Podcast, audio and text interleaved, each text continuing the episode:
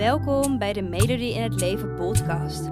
Deze podcast is speciaal voor jou als jij op zoek bent naar meer werkgeluk. Ben jij je huidige werk zat? Wil je iets anders wat wel bij je past, maar weet je niet waar te beginnen? Dan inspireer ik je graag met mijn podcast, zodat ook jij je droombaan bemachtigt, waarbij je voldoening, uitdaging en plezier ervaart. Heel veel luisterplezier.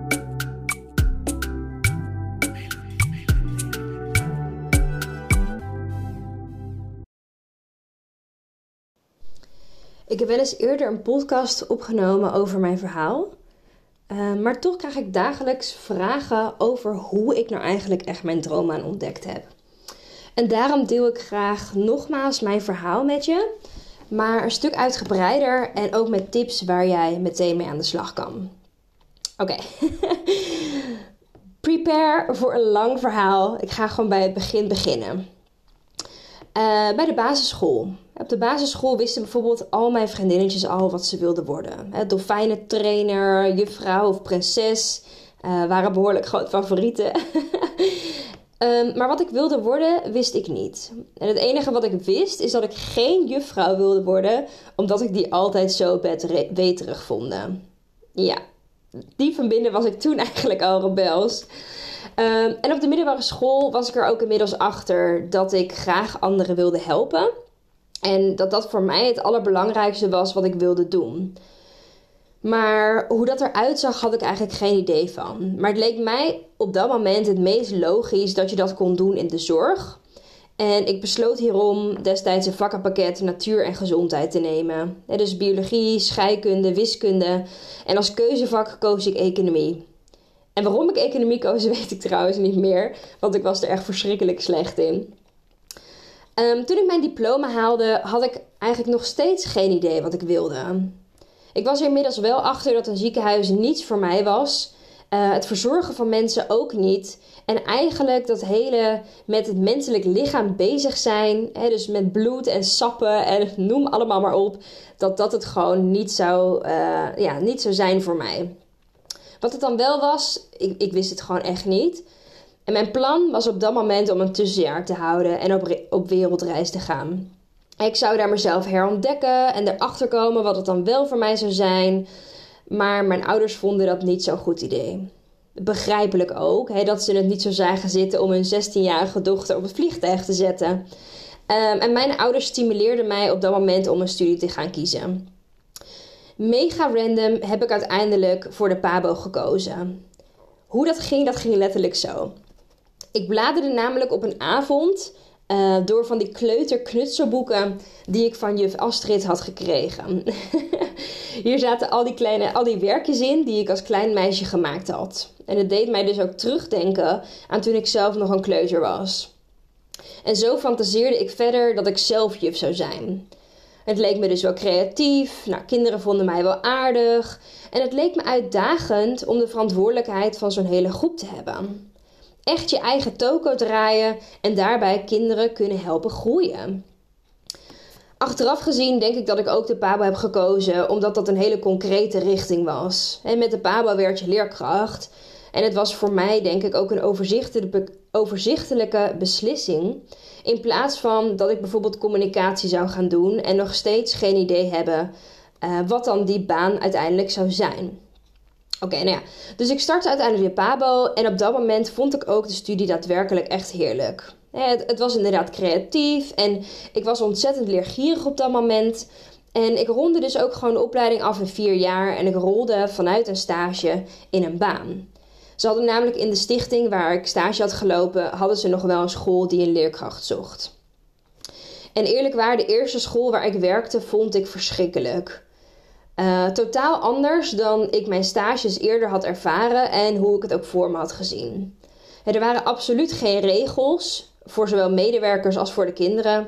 En het leek wel alsof iedereen maar wat deed, waardoor kinderen ook echt grensoverschrijdend gedrag lieten zien. Zo ben ik, terwijl ik daar werkte, uh, wel eens geslagen door kinderen. Uh, moesten kinderen regelmatig de klas uitsturen en zat ik ook geregeld huilend in het kamertje van de intern begeleider. Ik besloot het jaar af te maken en daar dus ook nooit meer terug te komen.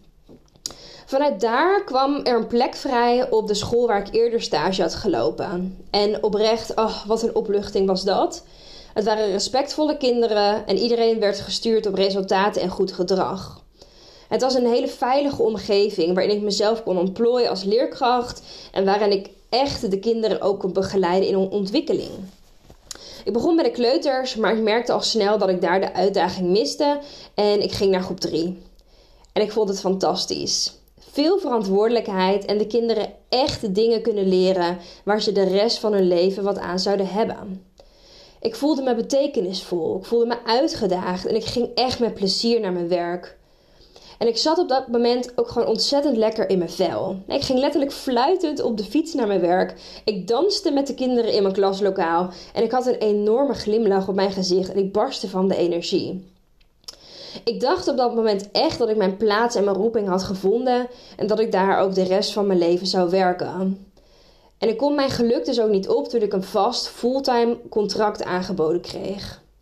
Het leek wel alsof op dat moment alsof een soort van mijn borst opensprong van blijheid. Echt, mijn hart stond helemaal open. En ik had dus ook nooit gedacht dat dit ultieme geluksgevoel, wat ik dat op dat moment echt voelde, dat dat ook een ommekeer zou maken na ongeveer twee jaar. Die ommekeer kwam trouwens ook niet in één keer, hè, maar die, die sloopt er echt in. Dus ik merkte bijvoorbeeld dat ik moeier werd, dat ik meer ging snoezen voordat ik mijn bed uitkwam uh, om aan de slag te gaan. Um, ik werd bijvoorbeeld minder creatief en ik had minder motivatie om nieuwe dingen uh, uit te voeren, om nieuwe ideeën op te brengen. En ik draaide dus gewoon mijn dagen zoals dat van mij verwacht werd.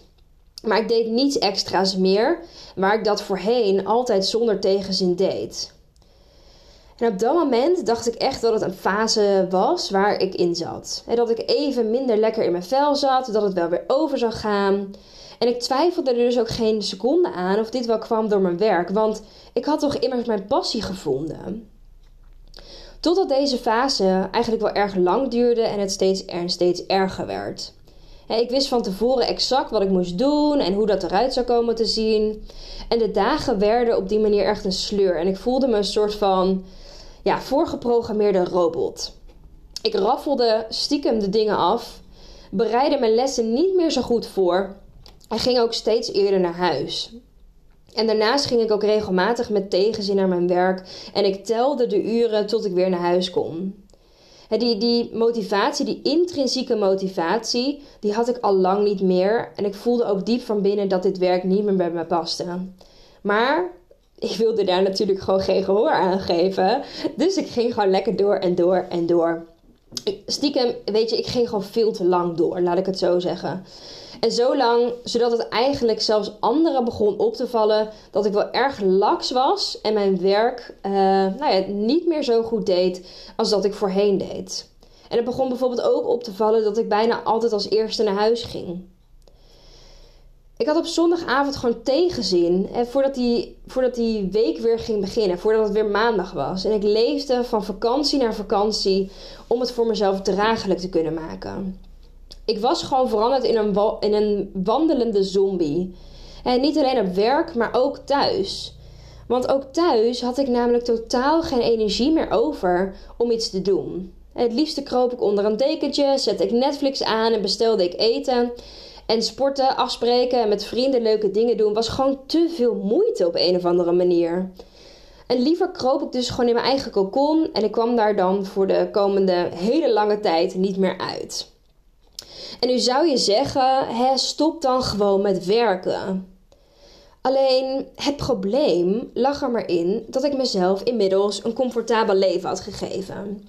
Ik had een huis, een auto en nog zoveel meer rekeningen die betaald moesten worden. En doordat ik die rekeningen wilde betalen, kon ik ook niet zomaar stoppen met werken. Want werk was immers mijn inkomstenbron en zonder inkomsten geen huis. En ik wilde er dus ook niet op achteruit gaan. Want als ik zou stoppen met werken, zou het voor mij voelen alsof ik gefaald had. Gefaald in het leven, gefaald in mijn werk, eh, maar ook gefaald in het onderhouden van mezelf. Um, het was ook natuurlijk heel erg mijn gevoel hè, dat ik voor alles zelf die verantwoordelijkheid moest dragen. Ehm, waardoor die druk dus ook op mijn schouders echt wel drukte. En plus, stel nou ik zou nou gewoon stoppen met werken. Wist ik ook helemaal niet wat ik dan wel wilde doen. En mijn vader die had altijd een groot passie voor techniek. En ik zag hoe enthousiast hij over zijn werk vertelde, dag in, dag uit. En ik had het voorbeeld dankzij hem gehad dat werken met passie en werken vanuit plezier, dat het gewoon een mogelijkheid is. Maar ja, weet je wat dat voor mij was? Daar had ik gewoon geen idee van. En zo voelde ik. Um, het ene moment voelde ik me nergens enthousiast over. En het andere moment had ik duizenden ideeën, waardoor ik eigenlijk overweldigd werd. En ook niet kon kiezen. Um, en het er vervolgens dus maar bij liet liggen. Ik kon ook niet zo goed bij mijn gevoelens komen. Van wat ik nou echt graag wilde doen. Maar ik wist wel dat ik, als ik een keuze zou maken, dat ik daarin wel de goede keuze wilde maken. Want ik had natuurlijk al meegemaakt hoe het voelde, daar zat ik op dat moment echt in, hoe het was om niet gelukkig te zijn in je werk. En dat gevoel wilde ik gewoon niet nog een keer meemaken. En zo legde ik mij nog meer druk op, waardoor een stap nemen dus ook steeds lastiger werd. Ik keek bijvoorbeeld dagelijks op vacaturesites. Ik denk dat ik wel tien beroepskeuze- of studiekeuzetests heb gedaan. En ik heb avonden met familie en vrienden gepraat over wat voor werk het dan wel zou moeten zijn voor mij. En allemaal kostte dat heel veel tijd. En het vervelende was, allemaal gaf het ook geen duidelijkheid. En het leek ook wel dat hoe meer ik ermee bezig was, hoe meer chaos het was in mijn hoofd en hoe minder zelfverzekerd ik werd om een stap te nemen. En daarnaast voelde ik me ook gewoon onzeker in mijn eh, kwaliteiten en mijn talenten. kan ik wel iets anders? Zitten mensen daar wel op te wachten? Ik had tenslotte natuurlijk helemaal geen ervaring of een diploma voor iets anders dan lesgeven. Ik bekeek dus de opties die ik had binnen het onderwijs. misschien een dagje minder werken, een andere vorm van onderwijs, een andere functie binnen het onderwijs. Of misschien voor een andere, ja, een andere groep, voor meer uitdaging. En ik bleef het daarmee dus op safe spelen. En daardoor bleef ik dus ook aanmodderen in de situatie waarin ik zat. En ik gaf mezelf valse hoop dat het wel goed zou komen binnen het onderwijs. Wat ook meespeelde is dat ik mijn ouders niet wilde teleurstellen. zij stimuleerden mij om te kiezen voor mijn geluk, uh, maar ook om mijn vaste contract te behouden. dat gaf namelijk zekerheid. zekerheid van inkomsten, zekerheid van werk. En waarom zou je oude schoenen weggooien als je nog geen nieuwe had? Um, mijn ouders hebben dit trouwens uit liefde voor mij gedaan. Ze willen het beste voor mij. Um, en in hun beleving was het op dat moment ook echt het vaste contract behouden hè, voor die zekerheid. Maar ik voelde ook aan alles dat dat niet meer hetgene was wat bij mij paste. En dus hoe ik die nieuwe schoenen, hè, die nieuwe baan zou vinden, daar had ik alleen, alleen gewoon geen zekerheid van. En onder andere door al die redenen hè, zag ik gewoon geen uitweg. En hield ik dus die zekerheid dus ook jarenlang aan. Ondanks dat ik daar niet gelukkig van werd. Het maakte me moedeloos, het frustreerde, ik werd onzeker. En ik vroeg me dus ook echt af van, ja maar gaat dat mij dan ooit wel lukken? Het turning point ontstond voor mij op het moment dat ik geopereerd zou moeten worden. En ik minimaal zes weken hersteltijd nodig had. Dit is iets wat ik nog nooit gedeeld heb. Um, maar ja, dit is wel waar echt een turning point voor mij ontstond ook.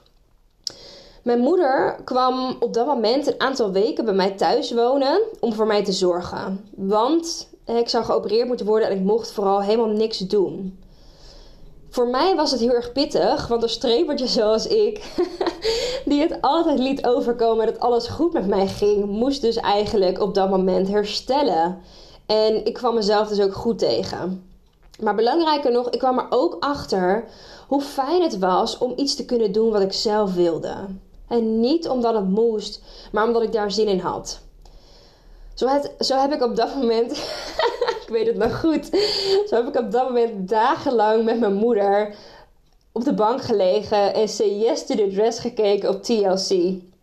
Blijkbaar was dat nodig om echt te kunnen voelen dat ik aan het roer stond. en in die weken veranderde er ook echt iets in mij. mijn mindset op dat moment richting mijn werk veranderde. Ik begon op dat moment in te zien dat het belangrijk was dat ik niet enkel voor zekerheid en voor anderen koos, maar dat ik koos voor mezelf. Ik begon in te zien dat ik mijn eigen geluk voorop moest gaan zetten, beginnend met mijn werk. En in die weken dat ik thuis zat, ben ik opnieuw aan de slag gegaan met mijn droombaanzoektocht, hopend dat ik het nu wel zou weten.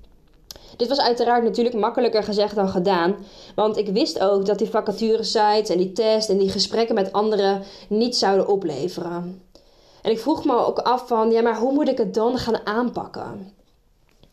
Ik kreeg in die periode, ehm, toen ik thuis uh, herstellende was, kreeg ik een notitieboekje van een vriendin van mij. Zij wist dat ik zoekende was naar wat nou ja, wel bij mij paste en gaf mij dit notitieboekje als een soort bijbel voor mijzelf. En ik had ook een aantal boeken besteld in de tussentijd om me verder te helpen in mijn droombaanzoektocht. En het grootste inzicht dat ik uit die boeken haalde, en wat ze eigenlijk ook allemaal met elkaar gemeen hadden, was dat het antwoord in mij lag. Ik moest dus niet op zoek gaan naar alles wat buiten mijzelf lag, maar ik moest het contact met mezelf gaan opzoeken. Diep van binnen kijken naar wie ik was, naar wat ik belangrijk vond en wat voor baan er dus bij mij paste. En natuurlijk is ook dit makkelijker gezegd dan gedaan. Uiteindelijk schreef ik een heel notitieboekje vol met allemaal dingen over mezelf. Het had me inzichten gegeven in die end, maar nog steeds kon ik de vinger er niet op leggen wat voor werk er dan wel bij mij paste. Ik was er inmiddels al achter dat ik graag contact had met mensen en dat ik hen wilde helpen en dat mijn interesse uitging naar mentale gezondheid. Ik vond het menselijk gedrag interessant en ik vond het interessant hoe dit dan bepaald wordt. En ik had altijd eigenlijk al interesse in hoe mensen dachten, welke keuzes ze maakten, waarom ze dit eigenlijk deden. Maar ja, weet je, dat was nog steeds zo super breed. Ik kon de vinger er gewoon nog niet op leggen wat voor werk daar dan bij paste. En in de tussentijd moest ik weer gaan reïntegreren in mijn werk, waarbij ik langzaam opbouwde. En dit gaf voor mij ook heel erg de druk mee dat ik snel een beslissing hierover moest gaan maken. En wat ervoor zorgde dat ik eerder bevroor dan dat ik hier een keuze kon maken. En zo integreerde ik weer tot ik fulltime voor de klas stond, terwijl ik aan alles voelde dat ik dit niet meer wilde. Maar ja, puntje bij paaltje, ik zat nog steeds vast. Uiteindelijk bleek de operatie die ik ondergaan uh, was, bleek niet goed gegaan te zijn. En ik had heel veel pijn. En toen ik terugging voor controle, bleek dat het echt niet goed zat en dat ik opnieuw geopereerd moest worden. Dit bleek dat de molen, nou ja, eigenlijk waar ik eerder in had gezeten, dat ik dat opnieuw zou moeten doorgaan. En opnieuw kwam dus mijn moeder een aantal weken bij mij wonen. Uh, en opnieuw had ik mij voorgenomen om mijn droom aan te laten slagen, zodat ik een stap kon nemen naar werk waar ik wel energie van kreeg. Ik ging gerichter op dat moment kijken naar banen waarbij ik menselijk gedrag kon in integreren en ik stuitte op een mental coachopleiding. Het ging precies over hetgene waar ik wat ik interessant vond. En ik besloot meer dan 3000 euro te investeren. Of het mij wat ging brengen, wist ik nog niet, maar op dat moment voelde het goed. En met een open mind ben ik er gewoon ingestapt. En wat ben ik blij dat ik dat gedaan heb. Wauw. Deze opleiding, in de opleiding ehm, leerde ik niet alleen namelijk om te coachen, maar werd mij op dat moment een enorme spiegel voorgehouden. Ik werd gecoacht en ik werd steeds zelfbewuster. Ik kwam er onder andere achter dat ik het altijd, altijd maar alleen wilde doen. Maar dat ik echt hulp nodig had om te ontdekken wat bij mij paste. Het weten wat bij je past is veel meer dan eventjes een stap nemen. Het gaat er echt over, over wat je wilt toevoegen aan de wereld. En waar je anderen bij wil helpen. Wat je energie en voldoening geeft. En waarvoor je je dagelijks wil inzetten.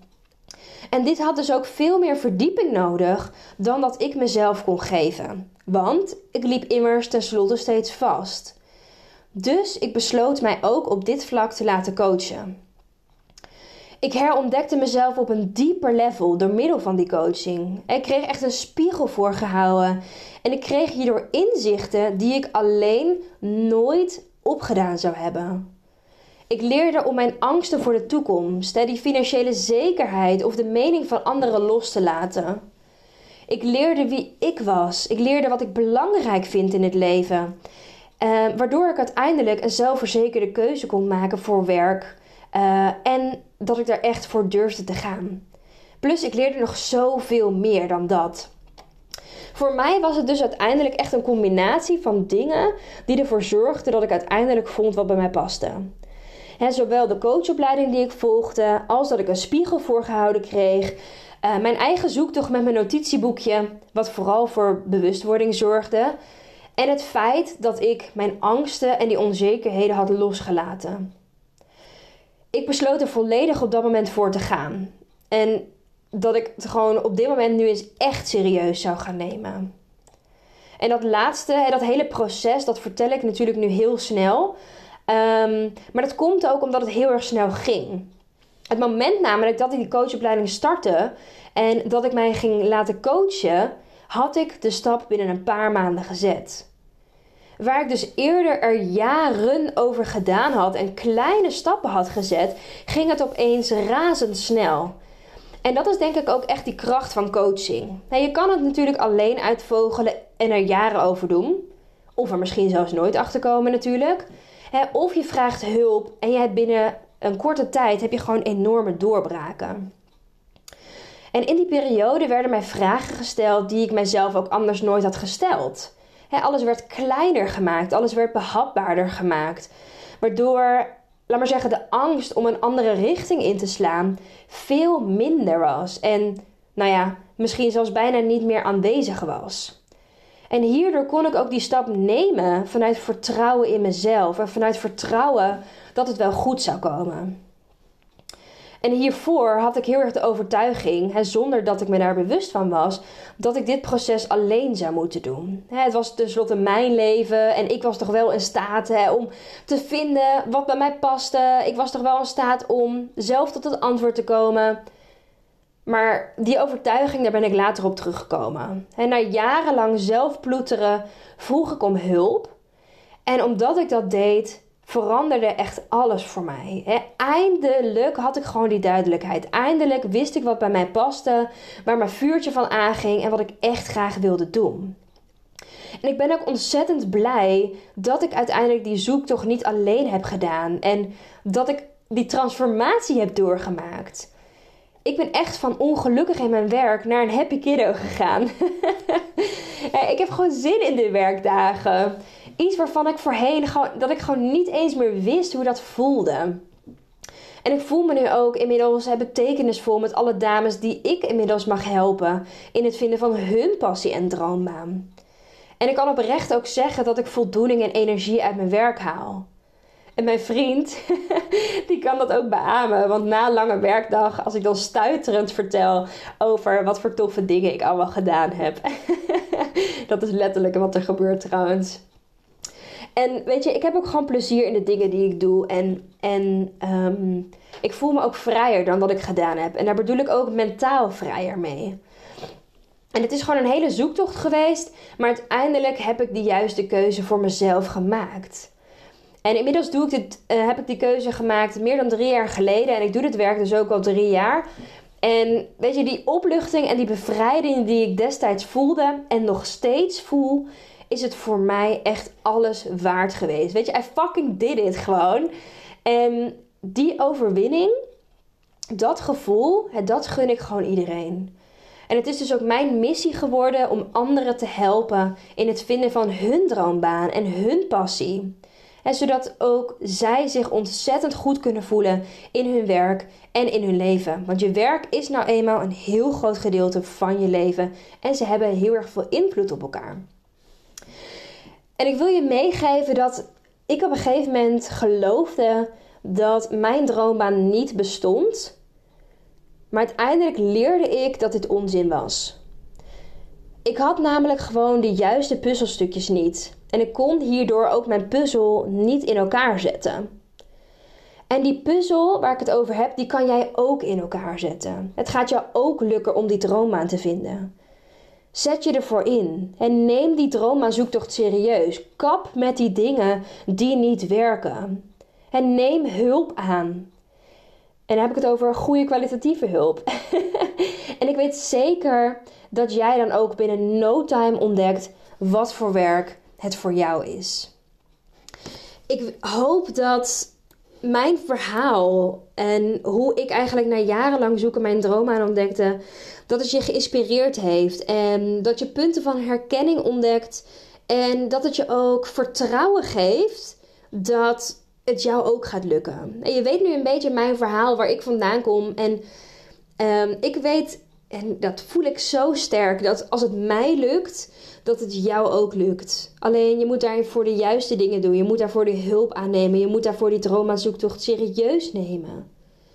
En dan weet ik zeker dat het jou ja, ook gaat opleveren waar je naar op zoek bent. Namelijk een baan die jou wel plezier geeft. Waar je uh, nou ja, rust uithaalt, mentale rust.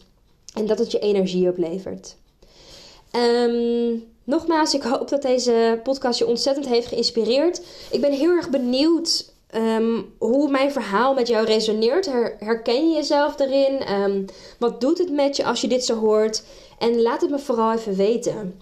Je vindt me op Instagram onder de naam Melodie in het Leven. Um, en stuur me vooral een berichtje oprecht. Ik vind het super leuk als je dat doet. En ik ga graag uh, met je in gesprek hierover. ja, Daarmee wil ik hem graag afsluiten. Ik wens je een hele fijne dag. Bedankt voor het luisteren en tot de volgende podcast. Dankjewel voor het luisteren. Ik hoop dat ik je heb mogen inspireren om jouw droombaan achterna te gaan, waarbij je meer voldoening, uitdaging en plezier ervaart.